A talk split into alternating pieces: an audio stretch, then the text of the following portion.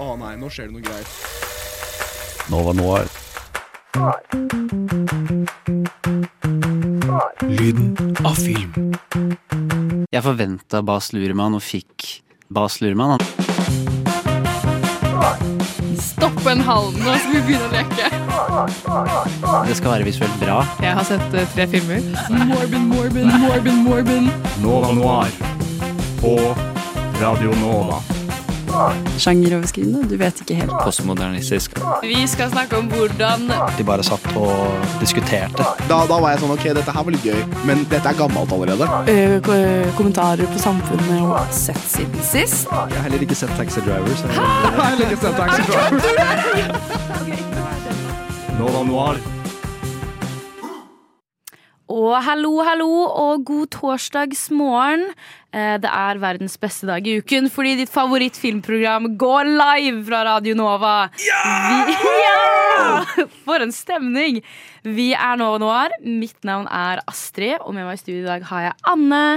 Hallo. Hei, Anne. Og Johannes. Hallo. Hvordan går det med dere i dag? Kjempebra. Kjempebra. Det går kjempebra. Litt mer usikkert eh, fra Johannes. Ja, men Eh, jeg kom fram til samme konklusjon. Ja. Det går kjempebra. Det går kjempebra. Du måtte tenke deg litt om. Ja. Det er lov. Eh, Jeg vil påstå det er ganske god stemning i studio i dag. Jeg gledet meg veldig til denne sendingen. Vi har en fullpakket sending med masse eh, Trivelig er kanskje litt feil å si. Eh, jeg skulle egentlig trekke kontrasten at det er en veldig god stemning med tanke på hva vi skal snakke om i dag, som kanskje er et litt mer morbid tema. Johannes har lyst til å avsløre hva dagens eh, tema er. Eh, ja, dagens tema er jo litt passende siden både jeg og Astrid har tatt over som redaksjonsledere. Vi har gjort statskupp. Eh, Vi har gjort stats statskupp, og uh, dagens sending handler om diktatorer. Uh, veldig spennende. Veldig skummelt. Mm. Mm. Så det er god stemning i studio med bra folk i studio, men dårlige folk på, som vi skal snakke Som om. vi skal snakke om. Masse, masse dårlige folk. Eh, hadde du sett noen av filmene før, Anne? Eh, jeg hadde sett en av filmene før for lenge siden. Eh, og så var det jeg vet ikke, det var litt fint å tvinge seg selv til å se noen av disse litt sånn eh, kjente, tunge filmene. Og ja. ja. Jeg har vært litt redd, jeg også, for denne sendingen. Sånn, jeg er kjemperedd for å si noe kontroversielt. Ja, samme her. Og så er det også det jeg frykter, er at det er jo ganske mye historie som ligger til grunne for de tre filmene vi skal snakke om i dag. Eh, og jeg merket da jeg så filmen at jeg burde kanskje ha fulgt litt bedre med i historietimen. Eh, jeg skulle ønske vi kanskje hadde hatt noen som studerte historie eller noe sånt. Noe stas med oss, for da kunne vi hatt noen som kunne gitt oss masse bakgrunnsinfo. Men vi skal kose oss eh, læll. Vi skal over på vår faste spalte Sett siden sist. Men før det så skal du få høre en låt. Din mest liksom film Siden sist, din mest sånn. trailerstemmeaktige stemme. Sett siden sist. Sett siden sist. Sett siden sist! Sett siden sist. Jepsi pepsi, da er vi over på vår faste spalte Sett siden sist. Anne, har du sett noe gøy siden sist utenom eh, om fascistguttene våre, som vi kommer til senere? ja, jeg har vært på eh, Oslo Pics filmfestival. Ja, du har sett masse. Har sett jeg har masse sett siden sist. kjempemye. Jeg har sett noe litt sånn halvbra, og noe eh, helt fantastisk. Eh, blant annet Anatomy of a Fall, som er eh, årets eh, gullpalmevinner i Cannes. Eh, og det er en film som alle bare må dra og se. Det er en av de beste filmene jeg har sett på kjempelenge. Eh, det er også en veldig merkelig gullpalmevinner, fordi eh, det er nesten litt sånn eh, sånn krim, sånn en mordgåte. Og det tenker man liksom ikke at pleier å vinne Gullpalmen i Cannes. Em, men det er altså en skikkelig sånn spennende historie om et ekteskap og em, om en mann som på en måte har dødd, og så er man usikker på om det er et ulykke, eller om kona har liksom dyttet han ut av et vindu. Eh, Wow. Wow. Um, ja, så litt sånn eh, Jeg ville kanskje beskrive det som en slags blanding av sånn Scenes from a Marriage og eh, Tar. Det er veldig sånn Hovedkarakteren, hun kvinnen, er sånn eh, kjempe sånn spennende Du vet aldri hvor hun hvor du har henne. Eh, og så er det Ja. De har en blind sønn også, som gjør alt dette enda mer sånn ubehagelig. Mellom liksom sønnen og moren, som liksom bor sammen der etter faren har gått bort. Ja. Jeg har ikke sett denne filmen, og så har jeg ikke sett noen av de filmene du sammenlignet den med. Ok. Så det er Men vi sånn- nikker og smiler for det, Johannes. Det må vi gjøre. Mm, veldig spennende. Ok. Var det den beste filmen du så? På Eh, jeg tror kanskje det. ja. Mm. Oh. Jeg liker at du så veldig mange bra filmer. ja, Dere Ja. snakket også veldig varmt om den How to have sex. How to have sex, ja, den likte jeg veldig godt. Og eh, Past Lives er også en annen eh, kjærlighetshistorie som alle burde dra og se. Veldig fin. Stilig. Eh, vi har skrevet en guide, har vi ikke det? Embla har gjort det på um, eh, nett på Radio Nova. det? Nei, om hvordan man Embla har skrevet en sexguide, Johannes. Embla har skrevet en guide til Oslo Pics, stemmer ikke det? Ja. Så gå og sjekk ut den hvis du lurer på what the fuck Anne egentlig snakket om. da Eller følg oss på Instagram, hvor de legger ja, ut uh, Der har vi også fine små anmeldelser hver dag. mm. Har du sett noe gøy siden sist, Johannes? Eh, ja, jeg hadde oppstart av uh, film, uh, medievitenskapelige filmfaget mitt denne eh, tirsdagen. Da hadde vi forelesning hele klokka ti på kvelden. Og da så vi en norsk stumfilm som heter Fante Anne. Den handler om Anne. Den handler om en, eh, en fantunge som heter Anne. Yes. Eh, og eh, jeg kan prøve å forklare hva den handler om. Det er veldig sånn, eh, Jeg studerer også litteratur, og det er liksom sånn akkurat de tingene man leser i sånn eh, tidlig 1800-tallslitteratur. Norsk eh, 1800-tallslitteratur. Og dette var da tydeligvis på en sånn periode eh, i norsk filmhistorie hvor de eh, begynte å adoptere eh, masse populære verk fra før av.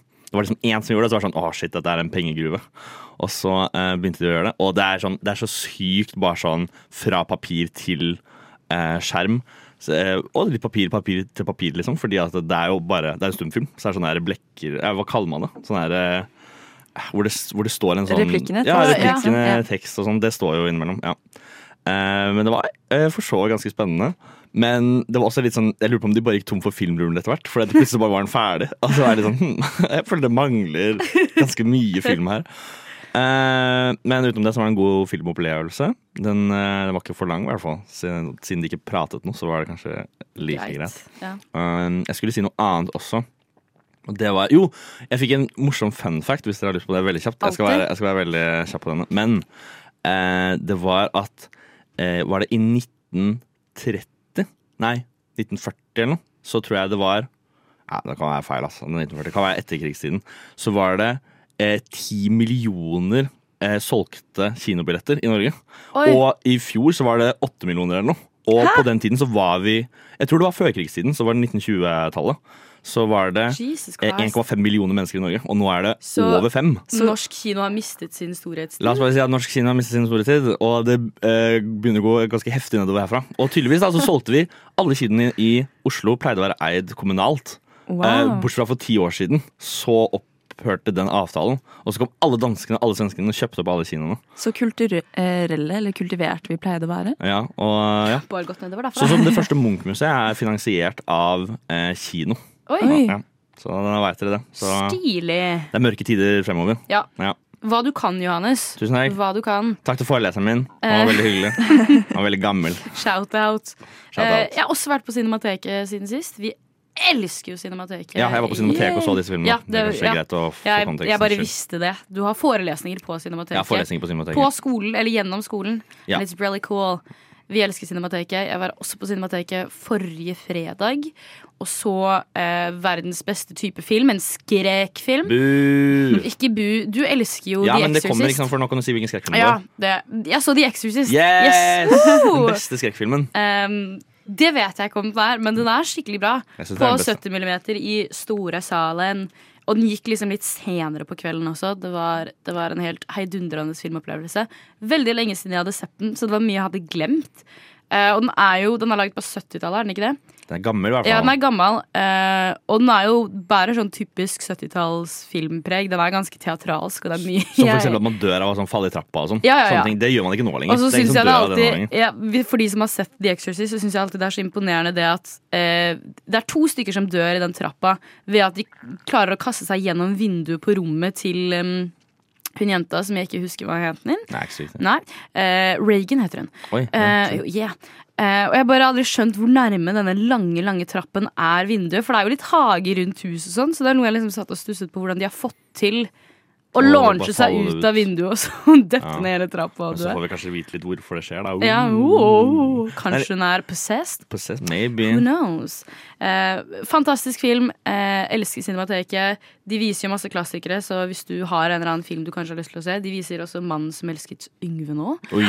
Og det Ja, koster seriøst ingenting. Det flotte gispet fra Anne. Anne elsker. Det koster ingenting. Altså sånn, jeg, jeg kjøpte Ja, det eh, Cinemateket-. Ja, jeg kjøpte i går. og Da er det, sånn, er det 60 spenn for en uh, film, liksom. Oi, Gjør det. damn. Gjør det, ellers så dreper jeg dere. Eh, Ja, det, og det passer godt med dagens tema, som vi skal presentere snart.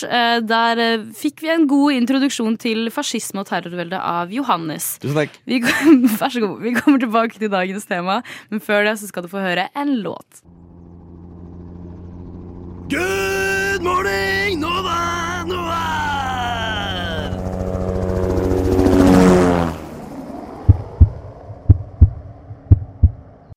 Dunk, dunk. Dunk, dunk. Eh, intenst, det er det ingen tvil om. Eh, da er vi klare for å presentere dagens tema. Vi teaset jo litt i stad. Eh, vi skal nemlig snakke om diktatorfilmer, eller filmer om diktatorer. Og det er jo egentlig laget ganske mange filmer som kan passe inn under denne kategorien. eh, men vi har valgt oss ut tre. Johannes, har du lyst til å presentere filmene vi skal snakke om i dag? Presentere filmene, det kan jeg godt gjøre. Det var ikke så lett å rulle på den her. Det, skal vi se. Det var eh, første vi skal ha, er Der Untergang. Som er, er en av mine eh, Den har født en av mine favoritt-memes. Som er den der eh, hvor han roper inne på det ganske tidlig i filmen. Ja. Når han blir sur fordi at de har tapt et eller annet. Jeg Han blir husker mye ikke hva- sur. Han blir veldig mye sur, og det kommer vi sikkert tilbake til senere. Hvor mye sur han blir. Eh, men eh, da er det også sånn at de dubber over, fordi at ingen kan jo tysk. Ja, det, Så da det er dubber de over. Liksom. Er det den norske Ja, blant dubben? annet er det norske memes eller så er det eh, engelske memes hvor det liksom sånn, de dubber over veldig morsomme ting. Da. Man skriker veldig morsomme ting, mens alle er veldig ukomfortable å høre på. Eh, og så er det Last King of Scotland. Scotland. Den også, elsker jeg. Det er helt fantastisk. Mm, Takk, En film preget Takk. med masse interessante dialekter. eh, Mm. Hvorav vi ikke vi kan etterligne så mange av dem, men eh, fortsatt veldig kul. Og eh, siste er eh, The Death of Stalin. Som jeg Oi. tror kommer til å være en veldig polariserende Oi! Bare sånn måte du sa det på. The Death of Stalin. Det er fordi jeg er så glad i Stalin. Hvis det er så trist at han er død. Det er bare derfor. Ja. Er det forbildet ditt? Eh, Det er forbildet mitt. Det, Yes. det er jo på en måte eh, Det er jo dagens på en måte sånn her eh, Hva skal man kalle det? Eh, Oddboy Out. Fordi den er jo på en måte litt mer sånn humoristisk. Mens de andre filmene er veldig blodseriøse. Mm. Uh, rundt omkring i hvert fall. Det er blodseriøst. Altså. Det er det, er seriøst. det er ikke én som, som smiler i løpet av filmen. Det er bare død og fordervelse. Og det er også verdt å nevne at Der Runtegang er lang! Det er en lang, Lang film. Lang film. Ja, Den varer i To og en halv. halv time, Mm. tror jeg. Eh, og det finnes sikkert noe Directors Cut som er enda lenger. Garantert. Helt sikkert. De burde ikke finnes, i hvert fall. Nei, Nei. men um, uh, Ja, det finnes jo, som du nevnte også, uh, Death of Stalin er jo en mer humoristisk approach. Mm. Jeg vil påstå de andre to er ganske seriøse. Ja. Um, vi kunne jo også snakket om The Dictator. Eh, for Jeg pitchet dette med Kalaksel tidligere, og han ville veldig gjerne snakke om The Dictator. Ja, men med Dictator, å Baron Cohen. Nei, Nei, oi! sorry. Hvorfor er vi så kritiske til Nei, for den er ikke så morsom. Okay. Det, er, det er sånn, det er sånn kjedelig humor. Det er klar, jeg, vet ikke, jeg gidder ikke. Det, det, det kommer til et punkt hvor man liksom ikke orker mer sånn her Å, jeg vil at raketten skal være spiss, ikke rund. Sånn, ok, greit. Det er liksom sånn én morsom ting i løpet av hele filmen. Den, øh, Jeg tenkte også på 1984. Som Ja. liksom, men eh, jeg prøvde å liksom søke opp de 1984-filmer, og det er sånn, den er adoptert veldig mange ganger. Så, Ja, den er jo det. mm, men da tenkte jeg på den som er lagd i 1984. Så, Ja. ja. Men eh, den også hadde vært litt interessant. så- Men da hadde det vært en, en diktator. Er det egentlig en diktator? Er det egentlig Wow, wow. diktator? Men det skal vi ikke snakke om i Mm. dag. Så. Uh, en sånn gøy Du får eventuelt ringe meg hvis du har lyst til å snakke om den filmen. Ring gjerne hvis vi snakke om den. En gøy digresjon som kanskje bare er gøy for uh, novere. Ja. Uh, men apropos eh, eh, 1984 og Storebror ser deg jo alltid der, så har vi nå fått en ny ansvarlig redaktør, vår godeste Sander. Og inne på redigeringsrommet vårt nå så henger det et sånt veldig flott, veldig seriøst bilde av Sander, hvor det står 'Han ser alt'. Ja. Og før vi gikk inn i studio her, så sa han jeg trenger å ta en alvorsprat med dere to. Trenger å ta to ord med deg, Vi sitter og, vi sitter og skjelver uh, og gruer oss til sendingen er over. Jepsi peps. Så det er mulig vi blir, det er mulig vi blir henrettet etterpå. Vi kan ikke love noen ting. Men, eh, men det går nok fint. Um, Anne, hva tenker du om eh, dagens Eller generelt om det å lage filmer om såpass sære temaer som det vi skal snakke om i dag? Om grusomme mennesker. Det er vanskelig. Det er sånn nesten at man ikke liksom får til å gjøre det. Eh, og jeg, Ja. Spesielt da jeg så Der Untergang, så tenkte jeg sånn Hvordan går det an å lage en film om dette? Sånn Hvis du skal lage en film, så må du på en måte ha en karakter som publikum liksom sympatiserer med. Men du kan ikke lage sympati for Adolf Hitler. Nei. Sånn hvis du gjør det i en film, så er du mm, No, da er du ferdig, på en måte. Um, men eh, ja, jeg vet ikke. Eh, det er liksom andre aspekter ved filmen som jeg syns er interessant. Og så eh, føler jeg på en eller annen måte at alle disse tre filmene eh, har litt samme vinkel på diktatorer. Vi kan sikkert snakke mer om det etterpå, men det syns jeg var litt interessant å se at så mange liksom likheter. Helt enig. Det la jeg også veldig merke til. Mm. Ja. Det handler jo i stor grad om makt når man diskuterer eh, diktatorer. Eh, og det er veldig spennende i seg selv, syns jeg. Det diskuterer vi sikkert masse senere. Eh, å lage filmer om eh, eh, grusomme personer da, som stiger til makten. Eh, og hvordan man klarer å, å fremstille det uten at man eh, menneskeliggjør noen for mye. Og så er det dette store dilemmaet med hvor mye skal du menneskeliggjøre f.eks. Adolf Hitler. Eh, og det er jo det i stor grad der oh, der eh, lagget hjernen min. Stor grad der Untergang handler om. Eh, er Hitler egentlig et monster? Og det ble masse bråk, sånn som Anne nevnte i stad, eh, rundt framstillingen av Adolf Hitler i Der Untergang. Eh, vi beveger oss videre til eh, første del av vår diskusjon om Der Untergang, men før det så skal du få høre en låt. Du hører på Nova Noir, filmprogrammet på Radio Nova. Spoilere kan forekomme.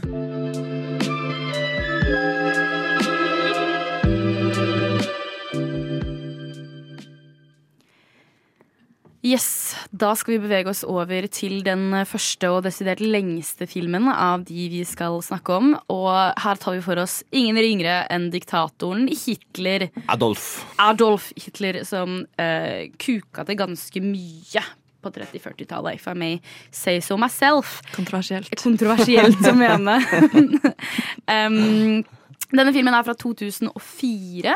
Nå husker jeg Der, ja. Oliver Hitchbeagle. Jeg kan ikke tysk, um, men det er han som har regissert den.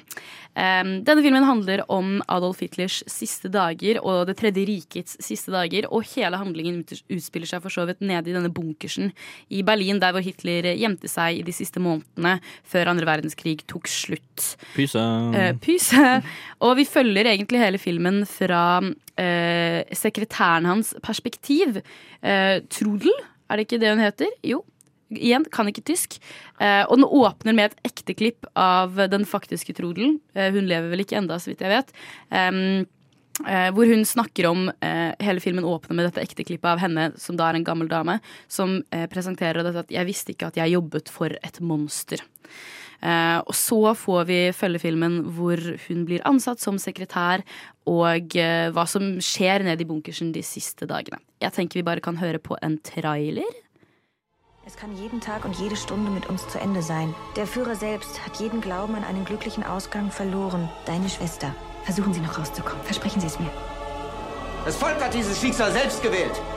Jetzt wird Ihnen eben das Hälschen durchgeschnitten. Sie wird das saufen in ihrem eigenen Blut.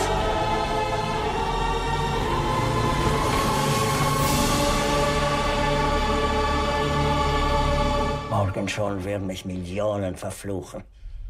Aber das Schicksal wollte es nicht anders.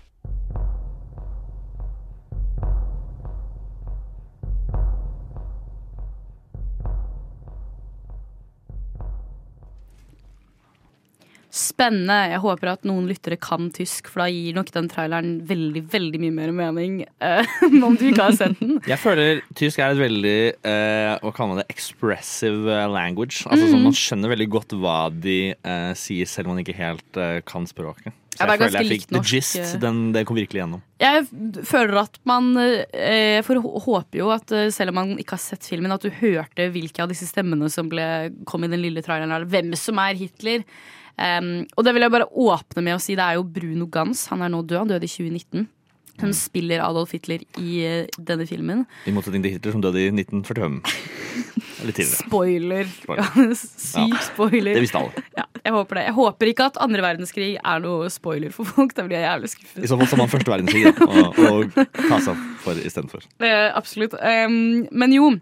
Bruno Gans, som spiller Hitler, eh, han, har jo, han vant jo Oscar for, eh, for denne prestasjonen. Skjønner jeg godt. På sin plass. Jesus Kristus, for en dyktig mann. Han er jo Hitler, og jeg blir Jeg har sett den to ganger, hvis jeg, jeg så den første gang for lenge siden. Men jeg blir like imponert nå også. Han er så dyktig. Um, og denne filmen som vi nevnte i stad, er jo ganske kontroversiell. Den var i hvert fall det da den kom ut i 2004. Uh, fordi den menneskeliggjør Hitler på en måte vi kanskje ikke er vant til. Vi ser veldig mange sider av ham, og de første klippene hvor han, hvor han kommer inn, det er jo da han skal ansette en ny sekretær. Og når han hilser på disse jentene som er kandidater for Ja, å være han sekretær.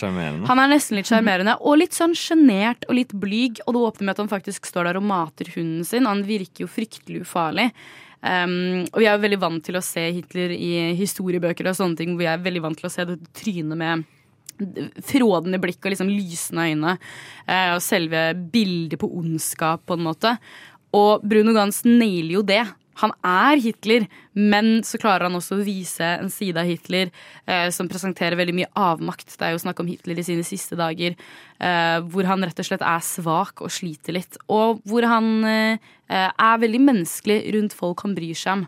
Vi får se Hitler som familiefar med barn, vi får se Hitler eh, være ektemann til kona si, og hvordan han er mot disse, mot disse sekretærene. Eh, ingen av dere hadde sett den før? Nei, faktisk ikke. Nei? Mm. Umiddelbare tanker om filmen, Anne? Ehm, min umiddelbare tanke var at jeg syntes det var veldig kjedelig. Oi! Dessverre. Det går Ehm, fint, det gjør men vondt, Det men det går sånn fint. det, Jeg skjønner det. Jeg synes Mordet mord, av seks millioner jøder er kjedelig. Nei, men det var ikke Nei, men det er bare sånn Det er så mye sånn eh, meningsløs vold der. Og det er ingen av karakterene Ja. som jeg har sympati for, omtrent. Det er true.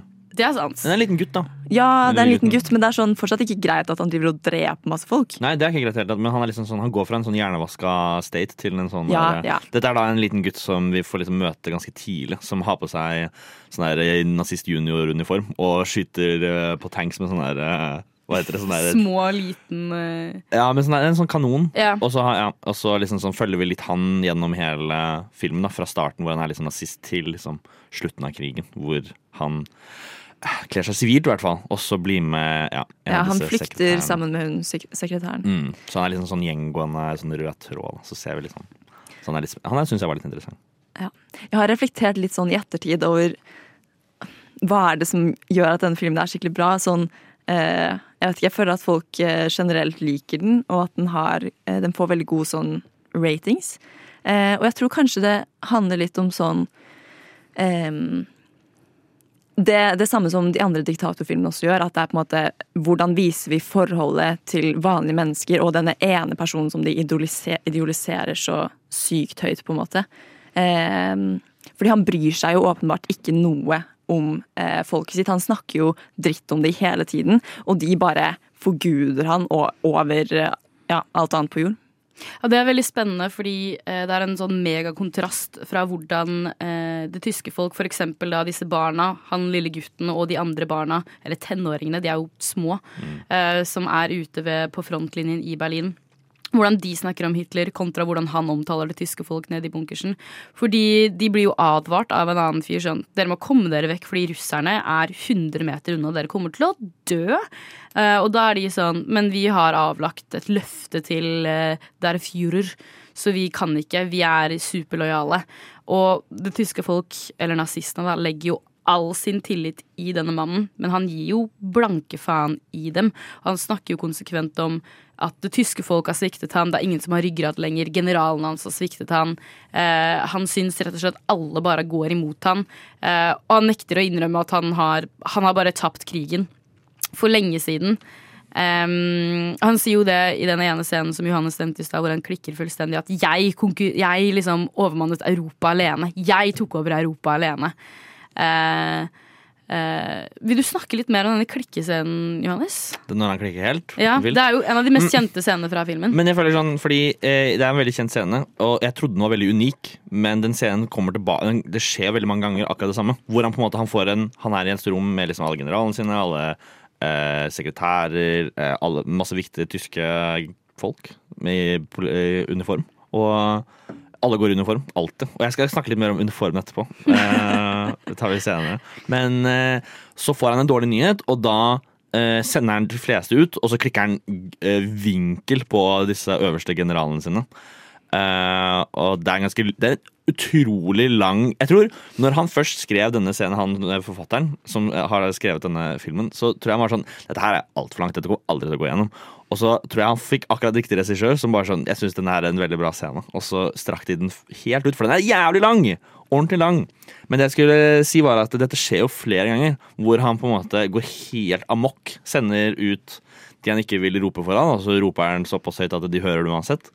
Og så er det liksom sånn det derre eh, Du kjenner veldig på den derre uba ubehageligheten i alle rommene. En Skikkelig sånn klein stemning hvor ingen har lyst til å si noe, og han bare blir ferdig med å kjefte på dem. Og alle har vel en, en sånn person i familien sin som, er- som er liksom bare må Litt kort lunte. Ja, som bare må bli ferdig og prate før du kan si noe. Og noe jeg også synes er veldig kult, er hvor godt denne filmen klarer å naile ubehaget man føler. Vi er jo nede i denne bunkersen hele tiden, eh, og det er klaustrofobisk. Jeg føler at det lukter kjeller, liksom, av hele filmen. Um, og i hvert fall når vi følger fra perspektivet til Trudel. Det er en veldig kul scene som vi kan diskutere mer um, etter en sang. Um, hvor hun går gjennom gangen helt på slutten når vi egentlig vet at nå er det over. Og hun ser at folk Det er ikke lyd, man hører ikke folk prate, men man ser at folk diskuterer hvordan man eventuelt skal drepe seg selv. Du ser at folk sitter med en sånn smørkniv og liksom later som de skal kutte pulsåren og prater om hvordan man mest effektivt kan ta livet sitt fordi alle generalene vet at man har tapt, men Hitler nekter å innrømme det. In a world that's powered by violence. In a world without gas. In a world where owning a radio was strictly forbidden.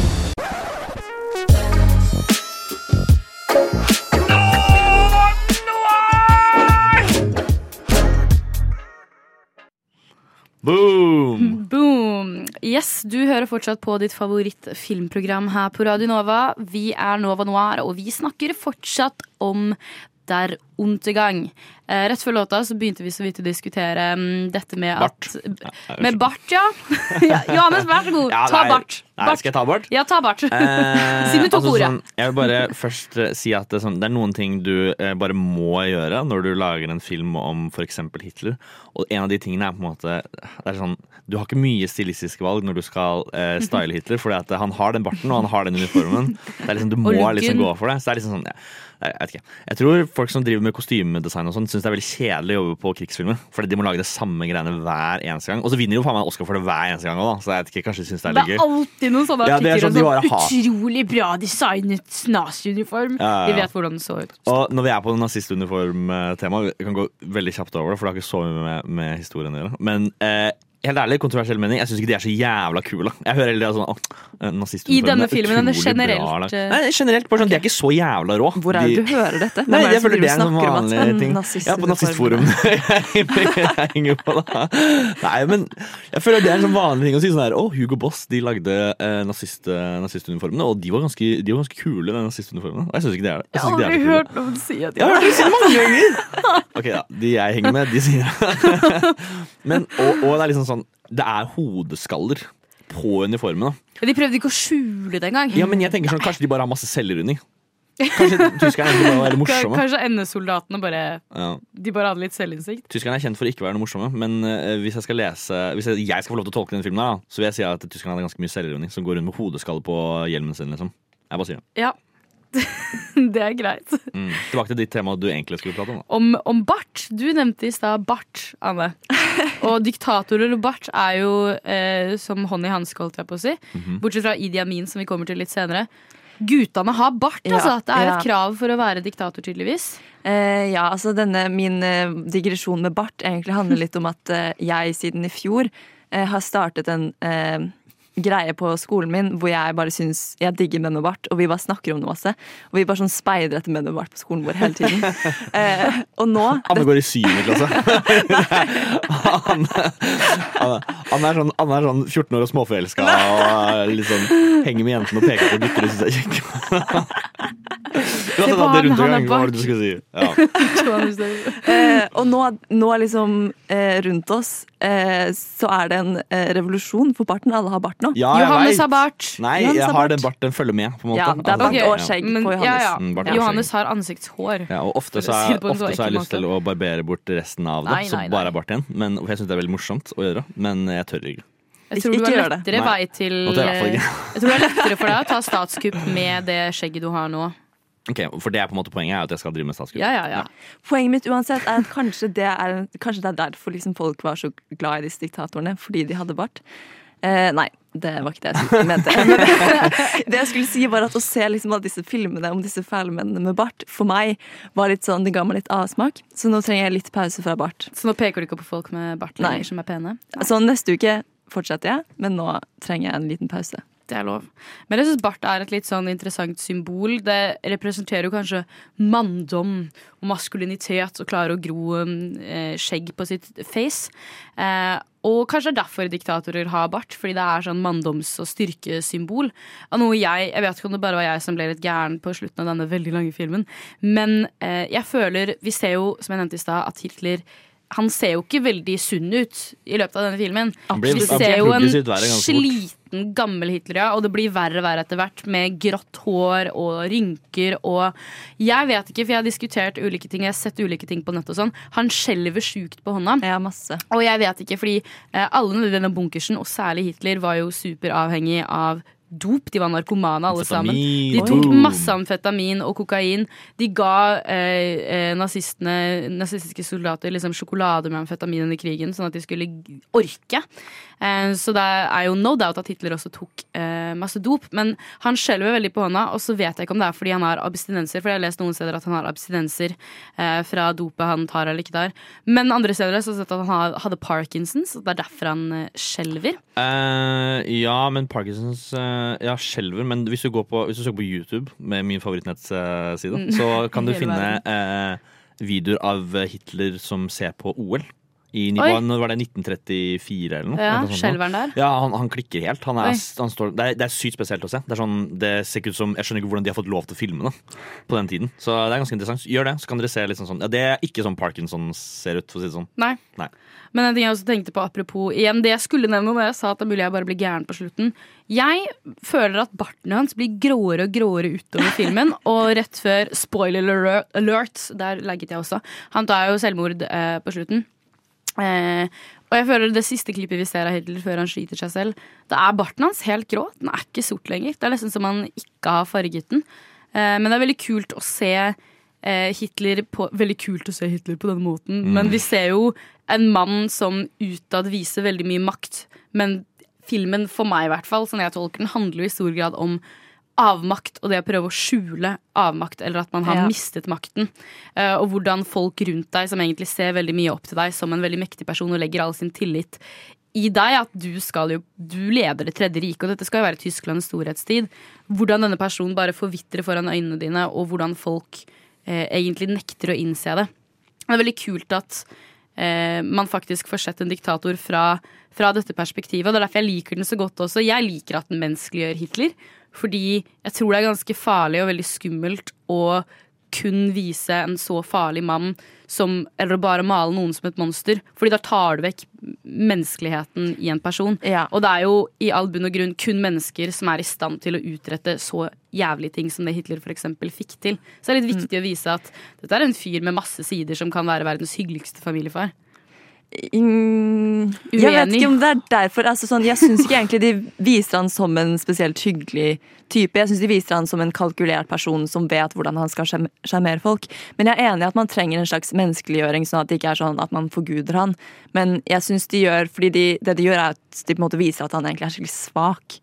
Sånn underveis i filmen så blir han liksom mindre og mindre. Han blir sånn krumbøyd og bare sånn en sur, gammel, grinete mann som liksom Vi ser også forskjellen i hvordan hun der sekretæren ser på ham fra starten til slutten. Sånn hun Ja. Det er en scene hvor de liksom spiser middag mot Den slutten, og han rister masse på hånda, og han, er, han sitter bare og klager over masse og slurper i seg spagetti. Hun bare sånn Å nei, hva er det jeg har bitt meg ut på? For da har det glansbildet av Hitler bare dødd, død Ja, totalt, totalt. for henne. Og det er kanskje noe av det jeg også liker best av filmen, at vi ser såpass mye til Trodel, som da er eh, sekretæren hans. Vi ser det jo som sagt gjennom hennes perspektiv. Men også Eva Braun, kona til Hitler. Hun er jo veldig mye med i filmen. Og hun er vel kanskje den i størst grad som bare fornekter blankt at de har tapt krigen. Hun skal jo danse sving nedi den bunkersen når det smeller ovenfor, og alle egentlig vet at det har gått til helvete. Um, vi skal diskutere enda mer eh, om eh, disse filmene. Samle opp litt til slutt. Um, eh, makt gjennom, gjennom alle filmene. Um, og vi skal bevege oss videre til neste film, som er The Death of Stalin. Terningkast fire. Terningkast fire. Terningkast fire. Terningkast Terningkast fire. Terningkast fire. Terningkast Og det blir terningkast fire. Birger Vestmo, er det deg? Ok, nå skal vi videre til neste diktator, og denne gangen er det Stalin. Eh, spesifikt Stalins, eh, også en undergang kan man kanskje kalle det. Eh, The Death of Stalin. Dette er en film fra 2017 som er regissert av Armando Iannucci. Jeg vet ikke om jeg sier det navnet riktig. Ja, og denne filmen handler eh, essensielt om det som skjer etter at Stalin dør, og hvordan hans liksom eh, kollegaer eh, krangler eh, og kriger seg for å bli hans etterfølger og den nye lederen av Sovjetunionen.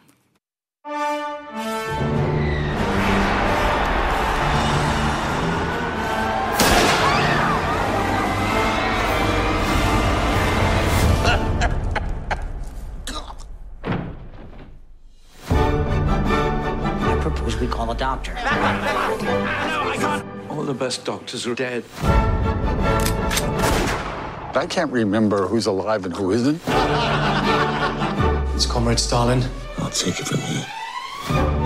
We need to start putting together a plan. How can you run and plot at the same time? We should get Stalin's children here. What are you doing to my father, you jackals? How old are you? I'm old. You're not old! You're not even a person! You're a testicle! Everything's gonna be fine. Åh, yes, da er det The Death of Stalin. Jeg hadde aldri sett denne filmen før. Det var Annes eh, forslag når jeg pitchet diktatortema. Eh, Jeg visste ikke at det var en komedie. Jeg trodde det skulle være en litt sarr film, for det er jo ofte det man tenker på når man tenker på alvorlige temaer som diktatorer. Men det er en komedie. Eh, mørk komedie bør man jo undertegne seg. Eh, eh, politisk satire. Jeg synes den var megalættis. Hva synes dere? Mm, eh, Usikkerhet. Jeg syns at det var rart at det var en komedie. Først var jeg sånn, når den begynte, så var jeg sånn Åh, er den på, er den på engelsk? tenkte jeg. Det synes jeg var litt sånn Etter å ha sett det rundt i gang, så er det sånn Ok, vi går ikke lenger enn til liksom sånn Ok, vi kan snakke britisk, liksom. Ok, okay greit. Kjedelig. Også, men så skjønte jeg at det var Det er jo, en sati, det er jo komedie. Det er jo tull og tøys. Og Ja, det er satire. det er jo verdens mest britiske film. Eh, noensinne. Eh, men eh, ja, jeg, med tanke på at det var liksom en, en tullefilm, så er det for så vidt greit. Og en liten sånn eh, add-on til det at det er en britisk film. Alle snakker engelsk, enten britisk eller amerikansk. Det er jo ganske flott cast i denne, i denne Mm. filmen. Det er mange, Virkelig, stjernespekket. mange stjernespekkede mange stjernespekkede personer. Det er ikke en god setning. Skal vi si hvilke Ja. de er? Eh, Steve Buscemi. Eh. Jason Lol. Isaacs. Lol. Andrea eh, Riceborough, hun som ja, den kontroversielle skuespillerinnen fra eh, forrige Oscar. Hvorfor er eh, hun kontroversiell? Flausene. Nei, det var Nei, vi går ikke inn i det nå. Ok, vi, tar det, vi tar det på privaten. vi tar det på privaten. Eh, og eh, Rupert Friend. Igjen en fantastisk skuespiller med bart. Men noe jeg liker veldig godt nettopp med dette at alle snakker engelsk, eh, er at alle får lov til å snakke sin egen dialekt, og de prøver ikke å snakke russisk. Er det én ting jeg er dritallergisk mot, så er det når eh, skuespillere skal prøve å fake en aksent, og så får de det ikke til. En ting er hvis alle får det til, og det er godt gjennomført, og jeg kunne kjøpt det. Men jeg føler også det var litt tullete hvis de skulle snakket engelsk med russisk aksent. Da må de bare snakke russisk, liksom, i så fall. Eh, en annen film, digresjon, men sånn norske filmen om Utøya, for eksempel. Der de snakker engelsk, men det er bare norske skuespillere. Oh, så de snakker ja. bare helt håpløst dårlig engelsk. Dette er den der Hollywood uh, Ja, den Netflix-filmen. take. uh, Nei, ikke den, uh, ikke den eh, andre. Men, men jeg, jeg syns det er kjempefint, egentlig, at de snakker eh, eh, engelsk. Og det er en superbritisk film, og veldig sånn britisk humor. Veldig seriøs. eh, Seriøs humor. Eh, jeg liker den fordi jeg syns den er morsom, men den er ikke så tøysete at den dummer ned Ja, nei, eh, nei, nei. hvor alvorlig dette egentlig er. Det jo, de drepte jo helt crazy mange sivile rett etter Stalins Ja. død. Helt sånn ut av det blå. Det var en helt absurd tid eh, hvor alle skulle krige seg til makten av disse eh, jeg holdt på å si sekretærene, av disse generalene hans, hvis, man, hvis det er det man kaller dem. Um, men jeg syns ikke den dummer ned. Dummer ned hvor alvorlig det er. Nei. Men den avkler jo heller og driter ut hvor dølle disse mennene er. Og det er jo smålige, teite menn som bare er sykt maktsugne. Ja. Uh, og jeg syns den egentlig er ganske Det er ganske smart humor, syns Enig, jeg. Og den er jo ja. seriøs til tider også, absolutt. De gjør kjempegod satire ut av liksom, at disse mennene uh, veldig åpenbart har lyst på uh, masse makt, men så er det en slags sånn De kan ikke skille seg ut. Så de har en sånn De må på en måte Når de ser Stalin eh, ligge død på gulvet, så er alle bare sånn 'Å nei!' Og så går de liksom ned ved han og bare liksom sørger og ja, og så- gråter, og så setter de seg i urinet. liksom sånn, ah, ja, ok. Stalins urin. Ja. Ja. Mm. Men jeg syns liksom, kanskje det var liksom uh, Det så ut som de som har lagd den filmen, er veldig fan av Monty Python. Mens Ja, Monty Python er bare mye Apropos bedre. at det er veldig britisk humor. Ja, Monty Python bare, men Monty Python er bare sånn et helt klassenivå over. Det er liksom sånn, ja, Disse går liksom i andre klasse, og Monty Python er liksom doktorgrader. Uh, jeg vet ikke. Jeg, jeg syns den var verken morsom, på en måte. Jeg, jeg syns ikke den var noe bra. Johannes. Ja, sorry, Men jeg syns ikke humoren traff meg ikke. Uh, jeg synes den var Til tider så skulle den være morsom og tullete, og så skulle den være ikke morsom og tullete. Og så var det liksom sånn Jeg jeg syns dynamikken ble litt dårlig, og så syns jeg eh, jeg jeg vet ikke. Jeg, jeg syns maktspillet var, liksom, det var litt kjedelig. Jeg vet ikke. Altså, jeg, dette var ikke min favorittfilm av de vi så. Uh, men jeg syns den var liksom Jeg syns den var kul. Jeg syns det var spennende at de hadde tatt så mange sånn uh, tydelige valg. Også sånn hvordan de håndterte de sånn alvorlige tingene, sånn at alle ble drept hele tiden. Det var bare sånn kjempeabsurd. Det bare var sånne ting som alle aksepterte. Konstant. jeg synes det var- sånn synes faktisk pang, var- pang, ja. død, død, og så går man videre, liksom. Ja, jeg syns det, det var veldig gøy når de var sånn Stopp! All, all skytingen skal stoppe! Og så skyter ja. han til! liksom bare sånn, hvorfor det? Altså, det syns jeg var gøy. Det skal de få. Og det er en veldig veldig gøy replikk hvor han eh, Nå husker jeg ikke hva karakteren eller skuespilleren heter. Det er så mye russiske navn som jeg ikke klarer å uttale.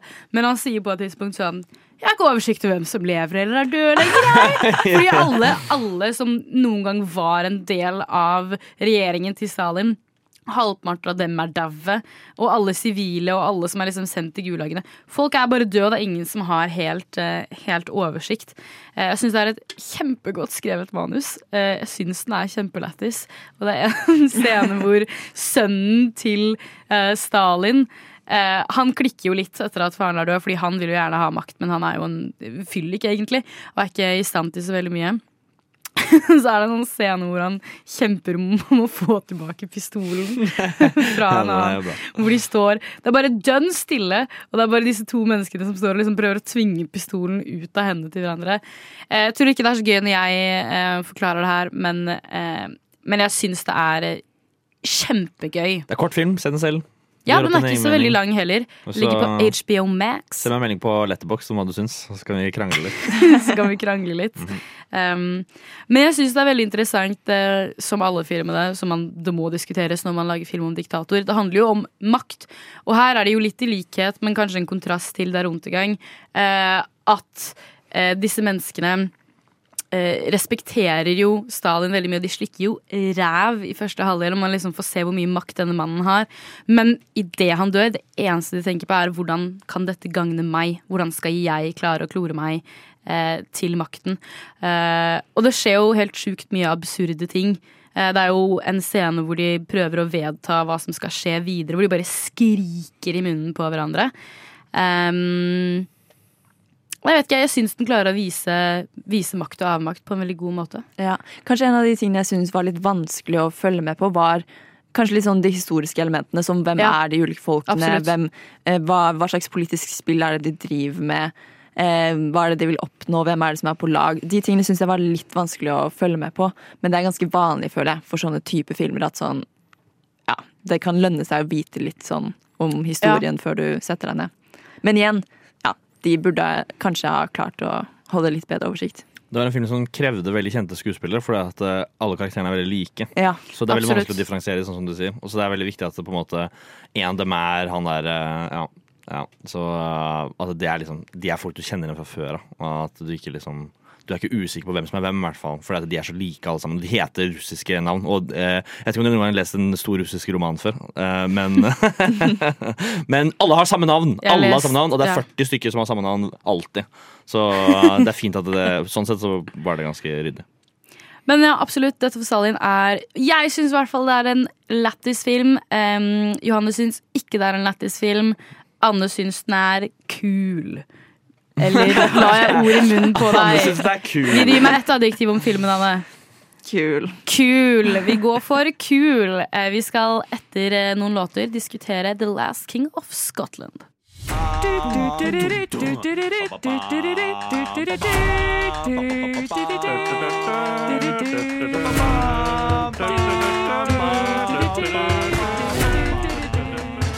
Du hører på Nova Noir. Nei, hallo. Vi skal snakke om The Last King of Scotland. Og jeg, jeg blinksa litt, som det heter på, En forberedt på dårlig norsk. En forberedt mann. mann. Ja, og jeg skal bare si at jeg hadde null forkunnskaper om denne filmen. Og jeg har egentlig veldig få kunnskaper om den uh, nå også. Så jeg må bare finne fram notatene mine. Dette Kan lover ikke dere si noe i mellomtida? Jeg, jeg kan si at dette er uh, en av de bedre filmene jeg har sett i det siste. Sant? En helt sykt bra film, Jeg og den beste, den. etter min mening, av de tre vi snakker om uh, nå i dag. Det kan jeg absolutt være enig i. Uh, I hovedrollene så har vi James McAvoy og uh, Forrest Whittaker, som begge gjør fantastiske prestasjoner. Nå ser det ut som Johannes er klar. Jeg er klar. Hei, Johannes. Filmen kom ut i ja, det har jeg ikke klart faktisk 2006, og den er regissert av Kevin MacDonald. Men ikke Mac skrevet MC. Mac skreves MAC Donald. Så vet ikke, det er noe å merke seg. eh, og så er det Forrest Whittaker som spiller da denne diktatoren Amin. Og så er det James McAvoy, som jeg syns er eh, den vanskeligste skuespilleren å ha sympati for når han skal være snill, fordi han ser så slem ut. Eh, utenom det så kan vi kanskje bare høre traileren, og så høre traileren. Vi skal se den. Vi har den foran oss. Det er helt sant. Og eh, så skal vi snakke mer om filmen etterpå. First place you land, you go. First place you land, you go.